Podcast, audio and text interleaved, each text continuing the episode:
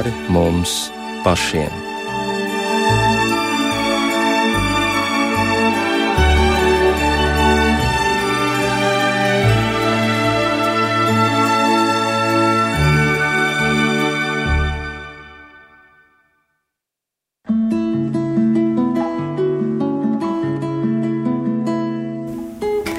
Esiet sveicināti raidījumā pāri mums pašiem, lai ir slavēts Jēzus Kristus. Studijā Inte Zēgnere par skanējumu rūpējas Iveta Zvejniece, bet mūsu raidījuma viesis šovakar ir arhibīskaps metropolīts Bigņērs Stankēvičs. Labvakar. Labvakar. Un atgādināšu, ka nu pat ir apritējis tieši gads kopš pāvesta Franciska apustuliskās vizītes Baltijas valstīs, un šķiet tas bija vēl nu pat, kad tiešraidē varēja vērot pirmos kadrus no Viļņas, pāvesta lidmašīnas nolaišanās, svinīgā sagaidīšana, apustuliskās vizītes sākums Baltijā uzrunas Lietuvai, Latvijai, Igaunijai, tikšanās ar jauniešiem un sirmgāvjiem, mūsu vēstures iepazīšana un savstarpējās sadraudzības novērtēšana, un, protams, arī secinājumi un vēlējumi ar skatu nākotnē. Aš regiu tavo šviečiantį veidą, aušrinėje gėdų šlovė. Kaip teka neris link jūros, tik mano siela trokšta beves. Ir kai ant kryžių kalno stoviu, ir mūsų praeitį stebiu, aš suprantu, kad tūkstančius metų kasdien tu viltį mums teikė. Jėzus, mano viltis, man nebaisi jokia mintis, nes tu sėdi savo sostę, Dievo tėvo dešiniai, kaip aš žinau. Šobrīd mēs dzirdam ierakstu no Lietuvas, pāvestam tiekoties ar jauniešiem. Lietuvā viņš uzkavējās divas dienas, tad sekoja Latvija, Igaunija, un tagad, skatoties uz šo gadu, vai jūs varat akcentēt dažus aspektus, kas pāvestam Franciskam ir šķituši īpaši svarīgi Baltijas valstīs? Es domāju, ka ir vērts mm, uzsvērt tos akcentus, kas mums būtu svarīgi no tā, ko viņš teica, un pēc tam mēs varam pievērsties tam, kas viņam likās svarīgi. E, piemēram, tad, kad viņš bija Lietuvā, un tas patiesībā izskanēja arī citur. E, viņš aizsāka savas uzrunas ar to, ka e, šo gadu simteni iezīmējuši daudzi pārbaudījumi ciešanas tieši mūsu reģionam.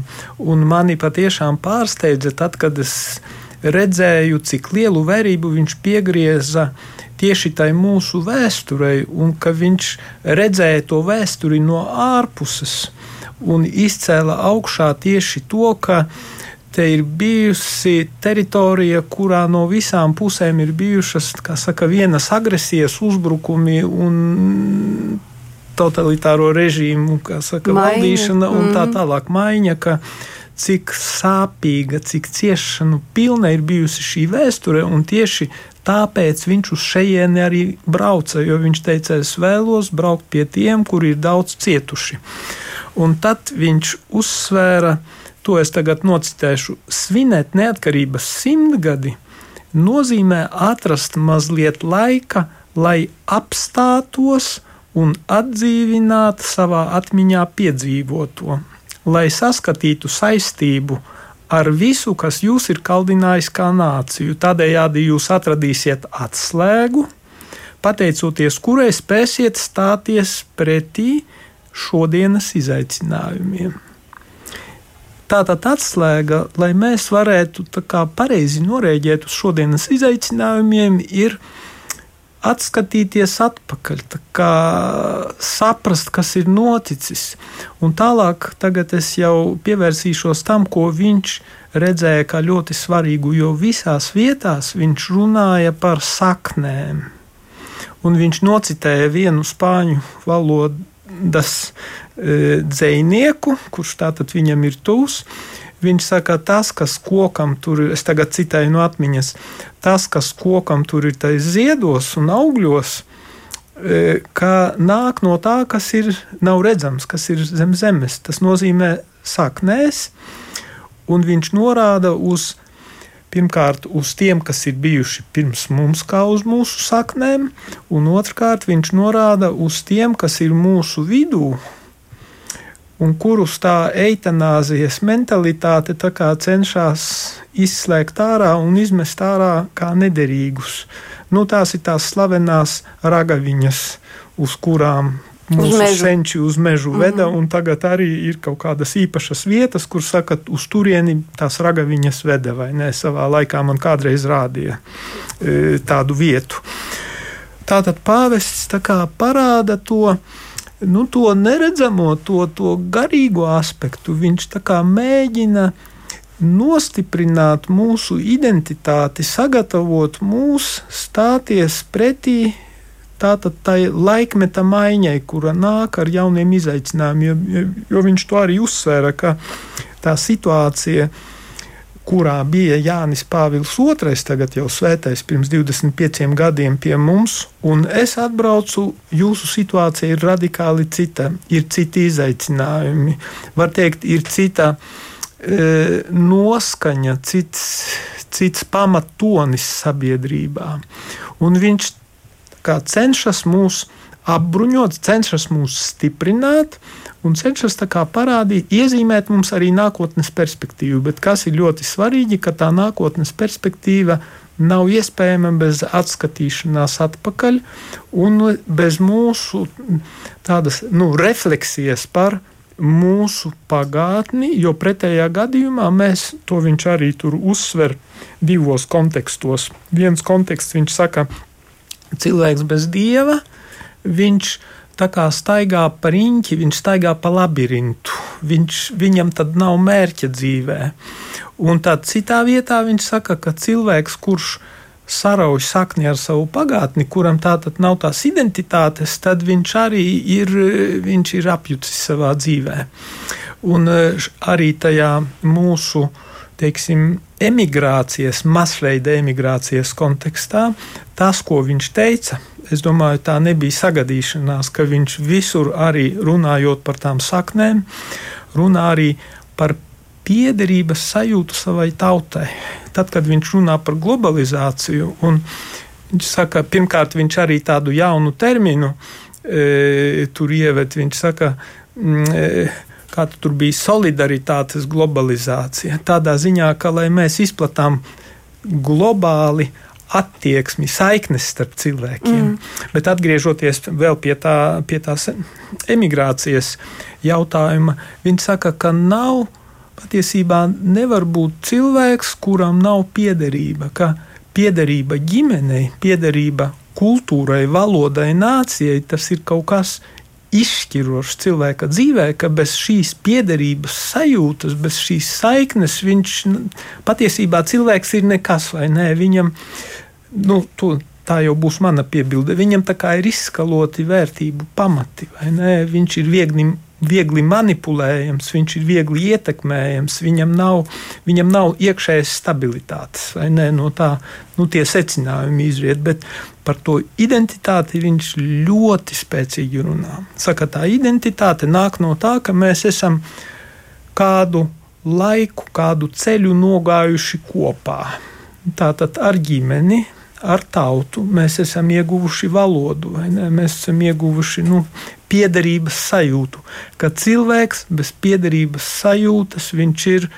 Nu, vējš viņu nesā uz visām pusēm. Viegli manipulējams. Tātad. Tā ir ļoti svarīga. Jā.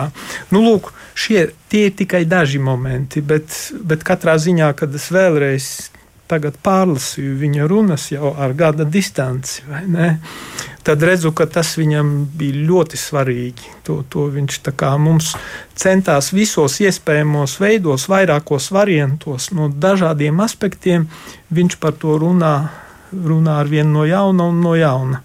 Un viņš par to runā jauniešiem, vecajiem, un, un politiķiem, teiksim, tiekoties ar valsts vīriem, ar, ar vadošs nu, nācijas līderiem, teiksim tā. E, visur viņš kā, izgaismo šos jautājumus. Jā, par identitāti viņam tiek uzdots arī preses konferencē jautājums, kā vai jūs esat saskāries ar E, emigrantu kopienām jau Argentīnā, viņš saka, ka Igaunus un Latviešus Argentīnā viņš sa nav sastapis, bet Lietuviešiem gan ir tur ļoti spēcīga kopiena, un ka visu cieņu tam, ka viņiem ir dubults lodze, jo gan dzīvojot attiecīgi Argentīnas apstākļos, gan arī kopjot to savu lietuvisko identitāti, kuru patiešām viņi tur kopja no visas sirds. Tāda bija, es atceros, piebilde preses konferencē, kas pēc tam notika. Un viņš tur arī tālāk turpina, saka, ka pie pirmās iespējas lietuvieši cenšas arī apciemot savu, savu, saka, mm. savu sakņu zemi, vai ne, un aizbraukt uz turieni. Jā, jā, tas bija tajā preses konferencē interesanti. Jā, bet kas attiecās uz ciešanām, tad tāda ļoti aizkustinoša viņa frāze bija par to, ka šīs tautas ir daudz cietušas, tāpēc Dievs viņas ir apveltījis ar īpašu žēlsirdību un maigumu. Man tas likās kaut kā arī ļoti svarīgi, ka izējot no šī ciešanu konteksta, ka te ir gan izsūtīšanas bijušas, gan cilvēki savas ticības dēļ ir vajāti, spīdzināti. Katrā ziņā pēc Lietuvas apmeklējuma viņš, kad viņš redzējis gan tās kameras, spīdzināšanas kameras, kad viņš pats savām acīm ir skatījis to vēsturi, nu jau tagad muzeja veidā tāda, tad viņš ir teicis, ka viņš ir juties pilnīgi sagrauts no tā, ko viņš šeit ir pieredzējis. Jā, patiešām, jo tieši Lietuvā viņam visvairāk, nu, programmā bija paredzēts, ka viņš apciemoja to konkrēto cietumu, un e, tas ir šokējoši. Patiesībā mums arī to dzirdēt, mēs, kuri daudz zinām, bet kad viņš saka, tur tajā cietumā, kur viņš bija, 40 cilvēkus katru nakti. Izveda. Izveda nošautus. Viņiem pakausīja šāva, viņš bija tajā telpā, un tad tā spīdzināšanas kamera, kur cilvēks varēja stāvēt tikai stāvus, un tajā augstajā Lietuvas ziemā viņu tur kailu iemeta iekšā, aplēja ar augstu ūdeni un stundām ilgi lika viņam tur stāvēt. Un, ka, respektīvi, viņš saka, jūs visam tam esat izgājuši cauri. Un, uh, Viņš saka, tagad kā, nododiet tālāk šo ticību, ka tā ticība, kas jums bija tur, ka tagad tajā pašā ticībā stāviet pretī tiem mūsdienu izaicinājumiem. Ap, apmēram tā, tāda bija tā doma, tā Jā. spēcīga doma, spēcīga doma.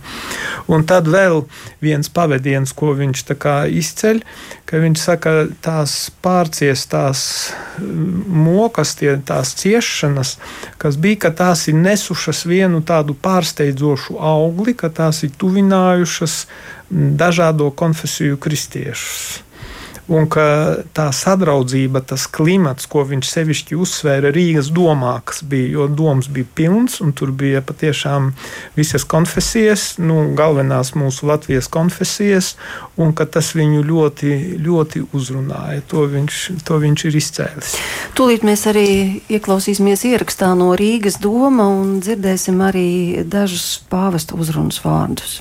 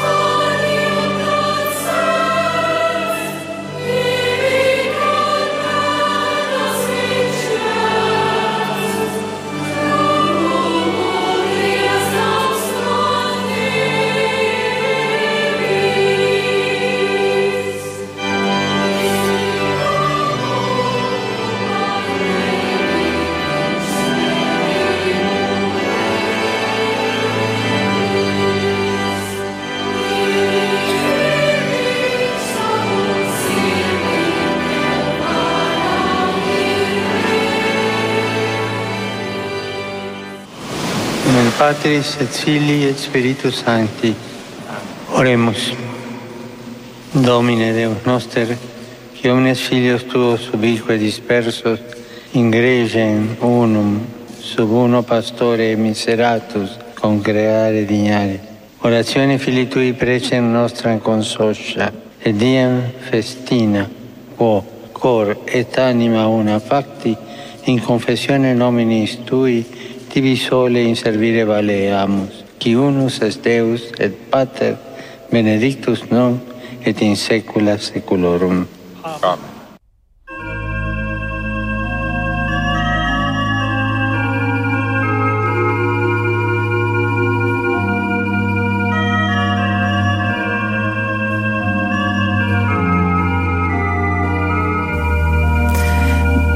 Dzirdējām nelielu ierakstā fragment no Rīgas doma, kas mums palīdzēja atcerēties to diezgan pat lietaino laiku, nemīlīgo, kurš tikai lēnām noskaidrojās jau dienas otrajā pusē, un šis bija ieraksts no 24. septembra pāvesta vizītes un ekumēniskās tikšanās Rīgas domā. Jūs sākāt runāt par ekumēnismu un par to, ka pāvests Francisks īpaši uzsvēra, cik liela nozīme ir ekumēnismam, bet viņš arī akcentēja tādus divus momentus. Viens, ka tā pagātne ir stiprinājusi ekumēniskās saites starp kristiešiem un eh, tad mēs palīdzējām viens otram. Bet tagad ir šie jaunie izaicinājumi, kāpēc kristiešiem būtu jāturas kopā. Interesanti, ka jau Lietuvā pirmās tikšanās laikā ar eh, Lietuvas prezidenti un eh, valsts augstākajām amatpersonām, diplomātisko korpusu, viņš nocitēja mm, rindiņu no Lietuvas himnas, kas skan, lai tevi dēli no pagātnes spēku sev smeļ. Un tad viņš tur uzsvēra, ka Lietuva visdažādākajos vēstures posmos pratusi uzņemt un pieņemt dažādu tautību un reliģiju cilvēkus, dodot tiem pajumti. Un tad viņš uzskaita tās dažādas tautības un ticības. Latvijā varbūt tas ir mazliet mazāk, bet, piemēram, vakar mums bija sēlies diena Nacionālajā bibliotekā, kur piedalījos panelī. Un tad, kad gatavojos uz to tikšanos, arī biju pārsteigts, cik sēlie ir arī izveidojusies tāds kā tīģelis, kur tās dažādas ietekmes no visas apkārtnes ir sagājušas kopā, un mēs vienojāmies ar tiem diskutantiem, ka sēlies viena pirmā rakstura iezīme ir daudzveidība un ekumēnisms. Un tas ļoti labi saskan gan ar Lietuvu, un viņ, tad viņš runā, ka Lietuva var kļūt par tādu tiltiņu starp rietumiem un austrumiem, un ka tilts patiesībā, lai uzceltu tiltu, ir vajadzīga piepūle, un tiltam nav patīkami, kad pār viņu brādā tur tajā preses konferencē. Jā, jā Sauliena Žilgždaite, Lietuvas jā. žurnālisti uzdeva šo Bet, jautājumu, ka grūti ir būt par tiltu, jo vai nu tad ir jābūt vienā pusē, vai nu arī otrā, bet grūti jā, ir dzīvot uz tilta, vidu, viņa teica. Kad visi šo, staigā, viņa šo jautājumu bradā uzdeva, par jā. to tiltu, un patiesībā Latvija arī ir bijusi tāds tilts, un arī Latvijas šī rakstura iezīme ir tāda, ka ka daudzveidība un spēja integrēt.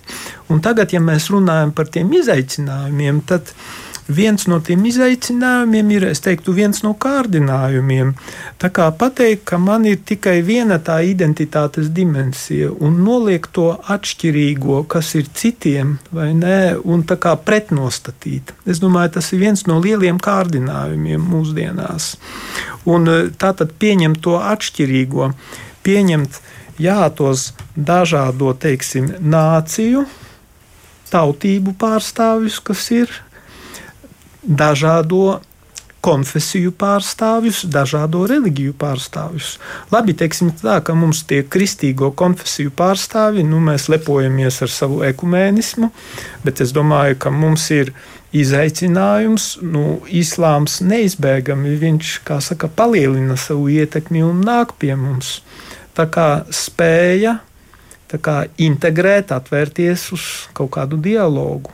Nu, mums ir labas attiecības ar jūdu kopienu, bet Arī nevar teikt, ka viss jau ir sasniegts un ka ne, nevar iet tālāk. Bet tālāk, ja mēs runājam par integrāciju, tad pāvests, jā, viņš tādi interesanti pavadieni tur viņa uzrunās bija. Viņš saka, tā, tad, ja tu esi viena lieta noslēgts uz dievu, tad tu, kā jau mēs runājām par to labirintu, staigā vai, vai kā saka, riņķo ap savu ego, ap sevi. Bet, ja tu neesi atvērts uz citādo, tad tu kļūsti noslēgts arī. Viņš ļoti daudz runāja par e, saikni starp paudzēm, starp veco paudzi un jauno paudzi, jauniešiem. Tad tu noslēdzies arī uz to, vai ne? Un gala rezultātā tu noslēdzies vispār uz otru cilvēku un paliek tik, paliec tikai savā pasaulē un grozies ap to savu savu pasauli. Un viņš saka, ka viens no mūsdienu lielākajiem nu, teiksim, izaicinājumiem ir vientulība. Izolētība, ne? Ka mēs dzīvojam pūlī, bet mēs nekontaktējam viens ar otru tajā cilvēciskajā, dziļajā līmenī. Mēs varbūt sasveicināmies, bet, bet tā iekšējā pasaule tiek, e, ir, ir noslēgta, un viņš ļoti arī uzsver. Uzsver, piemēram, Igaunijā, jo mēs tā mazāk vēl par Igauniju esam runājuši. Viņš e, par Igauniju runā tieši uzsver arī to, ka tā ir Mārjamā, Marijas kas ir zeme. interesanti, jā, jo mēs jau sevi domājam, dom, nu, saka, dēvējam, kaut gan arī Igaunijā pienākas daļa no šī goda. Jā, un Igaunijas, starp citu, sinonīms Igaunijas, kā saka, kā valsts nosaukums, kā zemes nosaukums, viņu sava tā identi, pašidentifikācija, viņiem sinonīms Igaunijai ir Mārijamā. Mā, Māras zeme. Marijas zeme, jā, Marijas zeme. Marijas zeme. Un viņš runā par Igauniju kā par atmiņas un auglīguma zemi. Tātad atmiņas tas nozīmē, ka mēs tā kā nu, reflektējam par mūsu pagātni, un tad, pateicoties tam, ar cerību skatāmies nākotnē. Bet e, par to auglīgumu e, viņš runā par to, ka e, svarīga tā apziņa, ka mēs kā, piederam citiem, sevi veltījam citu labā, ka esam iesakņojušies tautā, noteiktā kultūrā un ģimenē, ka to pamazām varam zaudēt. Un tad atņemam ar to jauniešiem īpaši saknes, bet no saknēm tieši tagadnes un nākotnes veidošana nāk. Un viņš saka, ka pilnīga paļaušanās uz tehnisko progresu kā vienīgo iespējamo attīstības ceļu var novest pie tā, ka mēs zaudējam spēju veidot saiknes starp personām, paudzēm un kultūrām. Un tas ir tas vitāli svarīgais audekls, pateicoties kuram vispār sabiedrība pastāv. Tā kā interesanti, ka viņš augstu vērtē tehnisko progresu, bet viņu ieliek, teiksim, struktūrē visu šo kopbildi un pasaka, ka tas nevar būt vienīgais, ka svarīgāks par tehnisko progresu ir svarīgākas ir rūpes par savstarpējo saikņu veidošanu starp cilvēkiem, jo tas ir tas audekls, kurš satur kopā visu sabiedrību. Jā, viņš atzinīgus vārdus saka par Igauniju, novērtējot to labklājību, kā, ko viņi ir sasnieguši tiešām šo progne, progresu, bet tajā pašā laikā tur bija arī tāda ļoti zīmīga frāze, ka labklājība nav sinonīms vārdiem dzīvot labi ka labklājība tas vēl nenozīmē dzīvot labi. Nu, var teikt, materiālais līmenis e, vēl nenozīmē tas, ka tu esi apmierināts ar dzīvi, ka tu esi laimīgs. Tas tie, tie nav sinonīmi, jo tagad jau interesanti, kā arī apvienoto nāciju organizācija taču pievērsusies tam, ka, e, ka IKP ka, ka nav vienīgais rādītājs, ka tā ir ievedusi pat starptautisko laimes dienu. Piemēram, e, tādā valstī kā Butānā ir pat laimes ministrija, vai ne, ka, ka, viņi, e, ka viņi mēra teiksim, attīstību pēc laimes indeksa, bet nevis pēc, nevis pēc tā IKP. IKP nu, būtu diezgan bīstami veikt šādu eksperimentu, man liekas, mūsu platuma grādos iespējams. Bet, ja jau reiz mēs sākām par to runāt, par to labklājību un attīstību, un tad tomēr tur ir arī ļoti būtisks viens pāvesta Franciska teksts, kad viņš saka, ka Viņa misija bija pasludināt evaņģēlīju prieku un maiguma un žēlsirdības revolūciju šeit, Baltijas valstīs.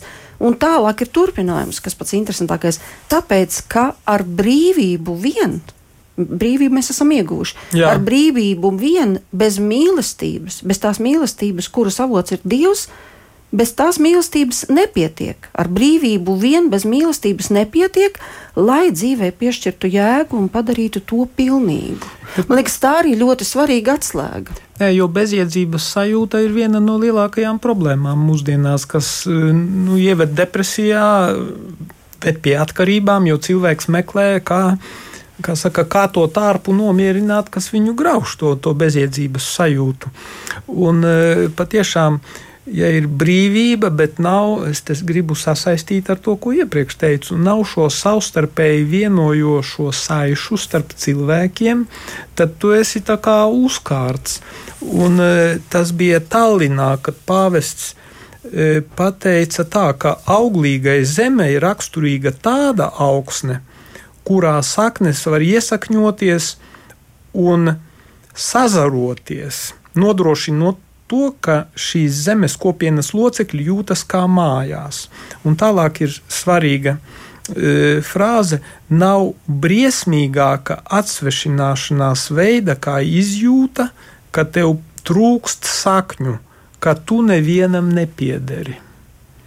Uzkārts, bezjēdzības sajūta, jo tad, ja tu ja tev ir piederības sajūta, ja tu jūties noderīgs, jūties vajadzīgs, nu tad, tad ir vilkme tavā dzīvē, tad ir jēga dzīvot. Bet, tas ja... ir attiecībā uz visu. Tas pat ir vienas ģimenes kontekstā, paudžu kontekstā. Tāpat vecs cilvēks var justies nevajadzīgs. Visas nācijas kontekstā arī. Mm. E, un tāpēc, un lūk, un kas ir šīs savstarpēji vienojošās saites? Protams, var būt naida saites, varbūt nezinu, aizvainojuma saites, bet bet vienīgais, kas patiešām savieno un piešķir jēgu, tā ir savstarpējās mīlestības saites vai ne, vienojošās saites. Un tāpēc pāvests atbrauca, lai mums to atgādinātu, lai to pateiktu, lai norādītu uz prioritātēm. Un interesanti, ka viņš e, tajā video vēstījumā, kurš bija pirms, eh, pirms, pirms viņš atbrauca. Jā. Viņš teica, ka es vēršos pie eh, visiem labas gribas cilvēkiem, ka es vēlos, lai mana vizīte būtu, būtu par iedrošinājuma avotu visiem labas gribas cilvēkiem. Jo, piemēram, to viņš Igaunijā uzsvēra, ka tā izmeta tādu frāzi cita starpā, viņš Igaunus tur saslavēja un tā, bet arī pateica, ka lielākā daļa igauņu tomēr neuzskata sevi par ticīgiem. Oho, jā, tas kā ne, nevar. Jā, jā, jā tas, tas, tas bija. Un, un tāpēc viņš pašā iesākumā viņš to nodefinēja, ka es braucu pie visiem labas gribas cilvēkiem, visiem tiem, kuri vēlas ar mani stāties dialogā un ieklausīties manos vārdos. Man ir vēstījums visiem, ne tikai katoļiem, ne tikai kristiešiem. Bet pakavēsimies vēl pie tiem viņa vārdiem, ko jūs tikko citējāt. Es vēlos, lai mana vizīte būtu par iedrošinājumu avotu. Tātad viņš saka par iedrošinājumu avotu labas gribas cilvēkam, bet tālāk seko, kuri iedvesmojoties no cēlākām garīgām un kultūras vērtībām, kas ņemtas no pagātnes mantojuma, strādā, lai atvieglotu savu brāļu un māsu ciešanas, kuri dzīvo trūkumā.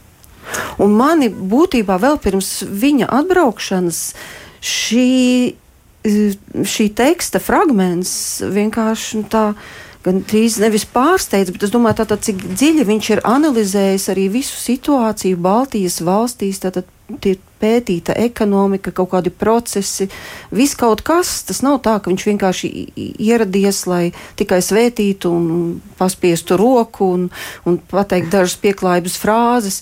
Tad tur ir dziļš pētniecības darbs apakšā, lai vēl pirms savas ierašanās lūk šādu te, nu tā kā pirmo, pirmo impulsu dot. Jā, nu tad tas apstiprinās vienkārši tā frāze, ko, ko jau baznīcas tēvi ir teikuši, ka dieva žēlastība tā kā būvē uz dabiskā, uz dabas.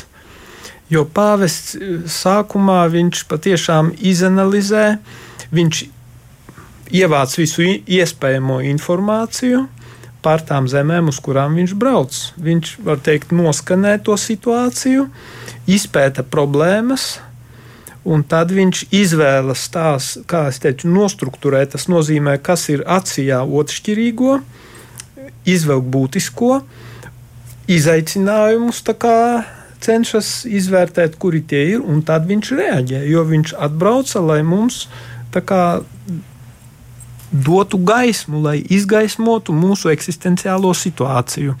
Un pat tas patiešām, ka pie labas gribas cilvēkiem, kuri atstāts, strādā, bet viņš vēlāk precizē, vai ne, e, kuri iedvesmojas no cēlākajām, garīgajām un kultūras vērtībām, kas ņemtas no pagātnes mantojuma pūra. Redziet, garīgās vērtības, Nu, te ir kristīgās vērtības, bet ne tikai, jo arī jūdu reliģija ir garīgās, arī, arī teiksim, nu, kaut vai tie nedaudzie musulmaņi, kas mums ir e, garīgās, bet arī kultūras vērtības. Tā ir visa mūsu dainu pasaule. Piemēram, jo viņš arī pateica, uzrunājot mūsu valsts augstākās amatpersonas un diplomātisko korpusu, ka manas vaimanas tu pārvērti dejā. Viņš citē svētos rakstus Viņš teica, ka e, latviešu tauta ir spējusi savas ciešanas pārvērst dejā, vai ne? Tā kā to integrēt, pārstrādāt un izpaust dejā. Un dziesmu svētki, taču zinām, tie ir bijuši mūsu identitātes saglabāšanas nu, līdzeklis, instruments. Jā, un ja atgriežamies pie šiem labas gribas cilvēkiem, kuri iedvesmojoties, kā jau jūs minējāt, no garīgajām un kultūras vērtībām, bet tālāk seko strādā, lai atvieglotu savu brāļu un māsu ciešanas, kas dzīvo trūkumā. Un tā ir pāvesta, tas ir pāvesta jājamzirdziņš, jo viņš nāk no Argentīnas un vispār, e, bet viņš labi orientējas visā Latvijas Amerikas valstu problemātikā, un mēs zinām, ka tur ir tie graustu rajoni, tie slamsi tā saucamie, nu, Brazīlijā sevišķi, bet ne tikai, ka tur ir liela nabadzība, un tāpēc viņam ir cita cita, cits jūtīgums pret, pret šo sociālo jomu. Mēs redzam, cik viņš, cik viņš skaļā balsī un cik daudzkārtīgi viņš tieši uzsver to, ka tu paskaties uz to, kas tev ir blakus, vai nē. Un tas ir patiesībā šodienas evaņģēlijs arī, kur ir par to bagātnieku un lācaru. Jā ka tas viņu ignorē. Tas ir pāvesta viens no pamatvēstījumiem. Un tas, ka viņš pie mums arī, nu, pirmkārt, Lietuvā, tātad viņš gāja tajā cietumā. Tad e, Svētā Jēkaba katedrālē satikās ar vecajiem ļaudīm. E, tālāk viņš satikās Tallinā ar karitas, ar karitas teiksim, aprūpējamajiem. Ka viņš visu laiku vērš uzmanību, paskaties, ka tie nabagi, kurus teiksim, tā tehnokrātiskā sabiedrība un tā sabiedrība, kurā par vērtību tiek uzskatīta nauda, ietekme, kā saka, vara. Ir, tas ir resurss dieva acīs, tā ir vērtība, jo tā jūs cilvēcisko. Jo, ja mēs novēršamies no viņiem, tad mēs zaudējam savu cilvēcību, tad mēs šo audeklu, kur, kurš ir nousts no savstarpējām attiecībām, attiecībām ka tad tas audekls viņā ir caurumi, vai ne? Viņš kļūst, var teikt, iepuvis, un tad mazākais pārbaudījums to nāciju, tad, kā saka, viņa aiziet Izšķaid. pa gaisu, izšķīdina, vai nē, viņš vērš uzmanību uz tādām lietām, kurām mēs ikdienā tā kā nepievēršam vērību, bet kuras vienlaicīgi mēs redzam, ka Latvijā tomēr tie labdarības visādas akcijas, un, piemēram, tā ziedot LV vai, piemēram, tādi kā Teterevu fonds, vai arī mēs zinām bankas, nu labi, viņām cik lielā mērā tā ir viņu reklāmas kampaņa, bet viņi gulda naudu dažādos labdarības projektos. Un patiesībā tas ir virziens, kurā nu, nu, kurā mums būtu jāiet. Jo tas ir gan organizāciju līmenī, bet arī personiskās attieksmes līmenī. Nu, tā bija arī viena no viņa frāzēm, kad viņš teica, ja kāds pie viņa ierodas vizītē un saka, ka ka viņš eh, nu, jautājums par žēlsirdību, ka lūk, viņš dod naudu nabagiem uz ielas, nu, ka viņš tomēr iesaistās šajā žēlsirdībā, tad pāvesta nākošais jautājums seko, bet tad, kad tu dod naudu, vai tu paskaties tam cilvēkam acīs, vai tu viņam arī pajautā kaut ko. Nu, viņš iet tālāk, viņš tiešām iet no sirds tālāk. Un tāpēc es gribēju arī vaicāt, kā šī attieksme varbūt izpaudās viņa vizītes laikā. Mm, protams, ka mm, ir jau dzirdēts par to, ka viņš ļoti izvairās no jebkāda komforta un greznības un tam līdzīgi, vai bija kaut kādas prasības tai sakarā, piemēram, kad viņš ieradās šeit? Nu, piemēram, bija prasība, kad viņš ieradās, ka viņš atteicās no valdības limuzīna. Viņš paprasīja, lai viņam ir vienkārša mašīna. Viņam bija Fiat, ja nemaldos, tipo. E, ka viņš gribēja ar vienkāršu mašīnu braukt. Tālāk, tad, kad e, mēs e, spriedām, no apspriedām teiksim, jautājumu par viņa atpūtas telpu, kurā viņš pēc pusdienām varētu kādu brīdi atpūsties, tad tur bija ļoti skaidrs uzstādījums. Tai jābūt asketiski ierīkotai. Un to starp citu svētās ģimenes mājā var nu, iepriekš sarunājot, redzēt. var redzēt to telpu, jo tur ir telpa, nu, tas mums tagad savā veidā kā tāds muzejs. Nu, kā muzejs, jā, un tur ir arī pāvesta ieraksts, vai ne, iekšā grāmatā ar viņa ierakstu. E, tā ka vienkāršība attiecībā par pusdienām arī nekādu nu, ka tām jābūt Nekādu arī zušulašu. nu, vienkāršām. Jābūt, jā, ar vārdu sakot, tas visu laiku, visu laiku nāk, nāk no viņa puses šie signāli, ka nē, es, ne, es vēlos rādīt piemēru, kā E, nu, kā, kā, saka, e, kā būtu jādzīvo. Šobrīd arī dziesma ubi karitas, tas nozīmē, kur žēlsirdība un mīlestība, tur Dievs ir mūsu vidū, un pāvests jau uz to arī mudina, jebkur, kur ierodās, un, protams, arī Baltijas valstīs. Ubi caritas et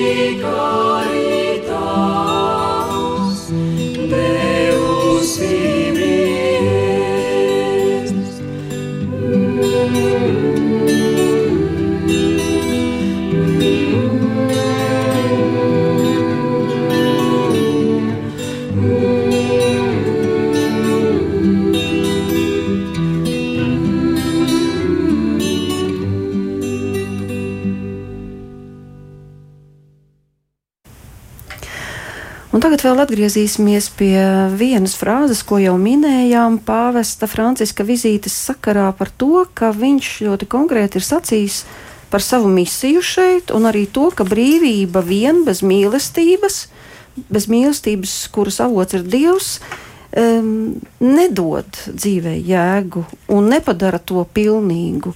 Jūs minējāt tās savstarpējās mīlestības saites, kas attiecās uz ģimeni un sabiedrības locekļiem, bet vai nav tā, ka varbūt viņš šeit domā arī plašāk, ka bez, ar brīvību vien nevar uzcelt arī tiesisku sabiedrību, ja mums nav atbildības pret šo sabiedrību, ja, mēs, ja, ja mūsu atbildība nesakņojās vērtībās. Teiksim, tā mums nav atskaites Dieva priekšā. Mm. Vai, es, vai es zogu, vai es nezogu, vai korupcija ir, vai nav, vai es pieņemu tādu likumu, vai šādu, vai es visās sabiedrības jomās, ar kurām mēs sastopamies, brīvība ir Bet vai ir šī atbildība, jo tas mīlestība, no, no dieva nākusī mīlestība jau paredz šo atbildību? Nu, protams, jo brīvību jau var izmantot, kā mēs izmantojam savu brīvību. E, jo e, ir jābūt, jābūt kaut kādiem nu, kritērijiem, pēc kādiem mēs vadāmies. Jo tad, kad atnāca brīvība, un uh, sabruka teiksim, vecā sistēma, tad, nu, diemžēl, daudziem tas bija starta šāviens, kamp, cik vari un ko vari. Nu, jā, un sākās tā. E, tā, tā nu, tas mežonīgais kapitālisms, kurš, paldies Dievam, tā kā palēnām, palēnām iet uz beigām un sākas, teiksim, kaut kāda struktūrēšana. Bet viņš šeit to min, taču pēc būtības viņš tas ir tad, ietverts. Nē, tad, kad viņš uzrunāja mūsu valsts augstākās amatpersonas, tad viņš teica, strādāt brīvības labā nozīmē veicināt cilvēku un visas sabiedrības vispusīgu un saskaņotu attīstību. Tas nozīmē, e, ja tu strādā tikai savā labā, tad tu patiesībā strādā nevis brīvības labā. Tu domā, ka tu esi brīvs, bet patiesībā tu kļūsti tavu ambīciju un tavas mantkāres vergs. Un līdz ar to tu gremdē sabiedrību un beigās arī tas bagātnieks e, šodienas evaņģēlijā, ka tad, kad viņš nonāk Dieva priekšā, tad izrādās, ka ir liela plaisa viņš starp mums un jums, kā jā, rakstīts kuru neviens jā. nevar pārvarēt, vai ne, ka, viņš ir, ka viņa dzīve ir norakstīta, ka viņš ir zaudētājs, vai ne? Ka neko vairs nevar labot. Neko vairs nevar labot, jā. Bet viņš arī Lietuvā to uzsvēra, ka kāra pēc varas un goda ir visizplatītākais izturēšanās veids, kas ir raksturīgs tiem, kam neizdodas dziedināt savus vēstures atmiņu, un varbūt tieši tāpēc tie nav gatavi arī uzņemties pienākumu strādāt tagadnes labā viņš labi orientējas tādā, kas šeit notiek. Bet es domāju, ka tas nav tikai pie mums. Šīs problēmas, nu, cilvēka daba visur jau ir vienāda, un visos laikmetos ir vienāda. Mainās, teiksim, tie ārējie apstākļi, bet tie pamatmehānismi tie jau paliek tie paši. Vēl gribēju vaicāt par jauniešiem. Uh, Jo šeit Latvijā bija tikšanās ar vecāko paudzi, un tur atkal viņam bija savs vēstījums par to, ka eh, aizvien pieaugot gadiem, kļūstot vecākiem, nenocietinieties savā sirdī, viņš pat teica, bet smeliet to maigumu no dieva, jo skaidrs pieaug sāpes, vecums un tā tālāk, un tas var cilvēku arī nu, tā likt norobežoties vai kļūt nīgram. Vai, bet viņš lūk arī šo aspektu ir pamanījis un aicina nenocietinieties savā sirdī, meliet maigumu no dieva. Nu, tur bija tāda frāze viena, bet ko viņš jauniešiem ir vēlējies pateikt? Nē, jauniešiem viņš vēlējies viņiem nodot signālu, ka es jūs saprotu. Viņš atsaucās arī uz uh, to dokumentu, kas bija sagatavots uz eh, jauniešiem veltīto sinodi, kas sākās īsi pēc viņa vizītes. Tur ļoti spēcīgi pavīdēja tāds motīvs, ka jaunieši nevēlas, lai viņiem dod gatavas atbildes, lai viņiem tā kā mēģina uztiept gatavas atbildes un kaut kādu moralizēšanu dzirdēt. Viņi vēlas, lai viņus pavada, lai viņos ieklausās, lai viņus ņem nopietni, lai ar viņiem ir nopietns dialogs. Tas bija tāds ļoti, ļoti svarīgs e, vēstījums. Un, protams, pēc tam sinodē arī bija skaidri un gaiši redzams, ka jauniešos ir milzīgs dinamisms, viņi redz pasauli savādāk, no cita aspekta, bet ir svarīgi, lai mēs tā kā saliekam kopā, lai ir tilts starp šīm paudzēm, jo tā nī tad ir spēks. Jo tās ir arī tās saknes, ne, no kurām izaug, nu, izaug koks un viņš var dot augļus. Jaunieši bez vecākās paudzes pieredzes, bez šīs dzīves gudrības nu, viņi kāps uz grābekļiem un, un kā saka, atdauzīsies.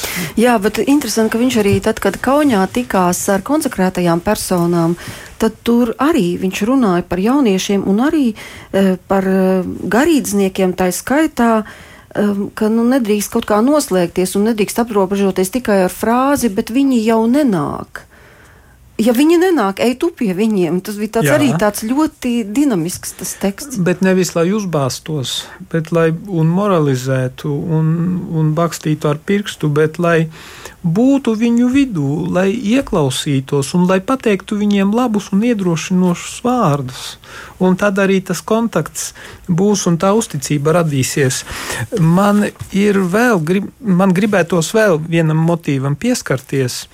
E, tad, kad viņš tikās ar mm, priesteriem, reliģisku ordeņu locekļiem un konsekrētajām personām un semināristiem e, Kaunijā, tad viņš tur runāja par atcaucoties uz Svēto Pāvilu, ka, kurš pirms mūs aicina uz cerību, trīs reizes atkārto vārdu nopūsties. Viņš saka, radība nopūšas, cilvēki nopūšas un gars, gars nopūšas.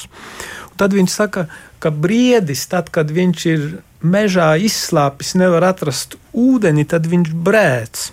Mm, tas un, tā kā psalmā. Jā. Un psalmā ir, ka briedi, kā briedis brēc pēc ūdens, tā mana dvēsele ir izslāpusi pēc tevis dievs. Un viņš saka, ļoti bēdīgi ir tad, kad e, šī, kad vairs nav izsaukuma pēc dieva, pēc dievišķās, pēc, pēc dievišķā, pēc svētuma. Un tad viņš uzdod tādu ļoti svarīgu tā kā, signalizē izaicinājumu. izaicinājumu. Viņš saka, svarīgi, lai mūs skartu arī tas, ka mūsu tauta ir pārstājusi nopūsties un beigusi meklēt ūdeni, kas dzēsēs lāpes. Tas ir arī brīdis, lai izprastu, kas apklusina mūsu tautas balsi viņš mudina mūs meklēt, aizrakties līdz tam, kas, kas ir tie sārņi, kas ir kā, to aizbēris. Kas to aizbēris? Tikt pie tā sakas, lai atkal mūsu tauta sāk slāpt pēc dieva. Tas ir ļoti liels izaicinājums. To viņš runā konsekrētajām personām un garīdzniekiem un semināristiem, bet es domāju, tas ir aktuāls arī mūsu, to viņš teica Kaunijā, bet tas ir aktuāls visai mūsu Latvijas, pirmkārt, kristīgajai sabiedrībai, kuriem rūp Latvijas tālākais liktenis. Jo, ja pazūd slāpes pēc dieva, tad mēs sākam to pāvests vairākos variantos teica, staigāt tā kā pa labirintu, mēs sākam riņķot, mums tad vairs nav mērķa, un tad sāk izšķīst mūsu vispār visa mūsu valsts, kā saka, attīstība. Jā, nemitīgi uzturiet sevi ilgas pēc dieva un turieties pie viņa no visas sirds. Tie arī bija vārdi eh, no kaujas apmeklējuma Un, protams, kā vēl viņš min arī to sekularizācijas izaicinājumu, atgriežoties pie saknēm, ka mūsu um, iepriekšējai paudzei, tā skaitā garīdzniekiem, bija šis izaicinājums izturēt ticībā, jo viņus izsūtīja, kā jau minēja, spīdzināja, nogalināja gan latviešus, gan lietuviešus. Viņiem bija jāiztur ticībām.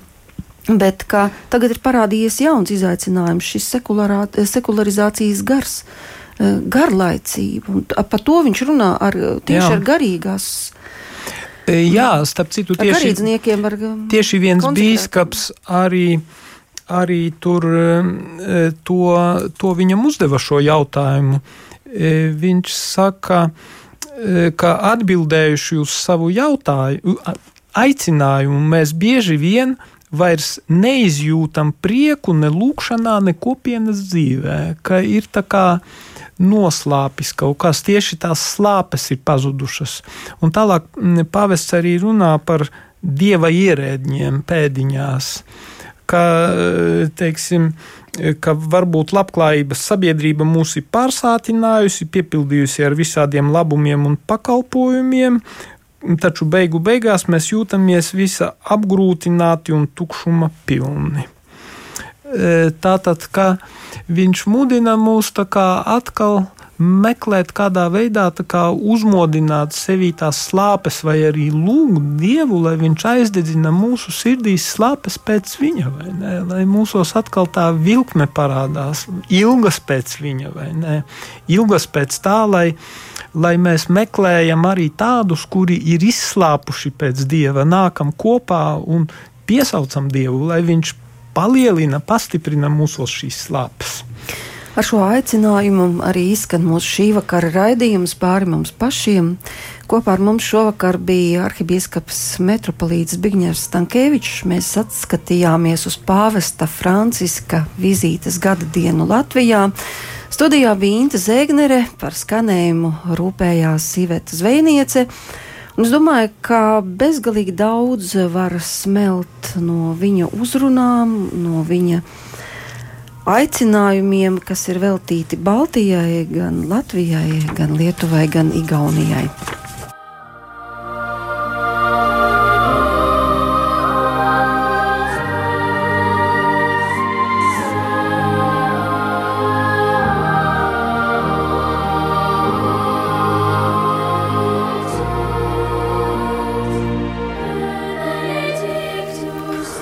Un noslēgsim šo raidījumu ar īsu lūgšanu, lai arī mūsu klausītāji saņem svētību. Kungs, Dievs, mēs tevi lūdzam, lai tu modini mūsu sirdīs slāpes pēc tevis, slāpes pēc tavas mīlestības, pēc tavas klātbūtnes un pēc tavas valstības. Modini mūsu sirdīs ilgas pēc tā, lai mēs varētu nākt tavā vārdā un piesaukt tevi un lūgt par Latvijas garīgo atzimšanu, par atmodu Latvijā. Un lai svētī jūs visvarenais Dievs, Tēvs un Dēls un Svētais Gars. Amen!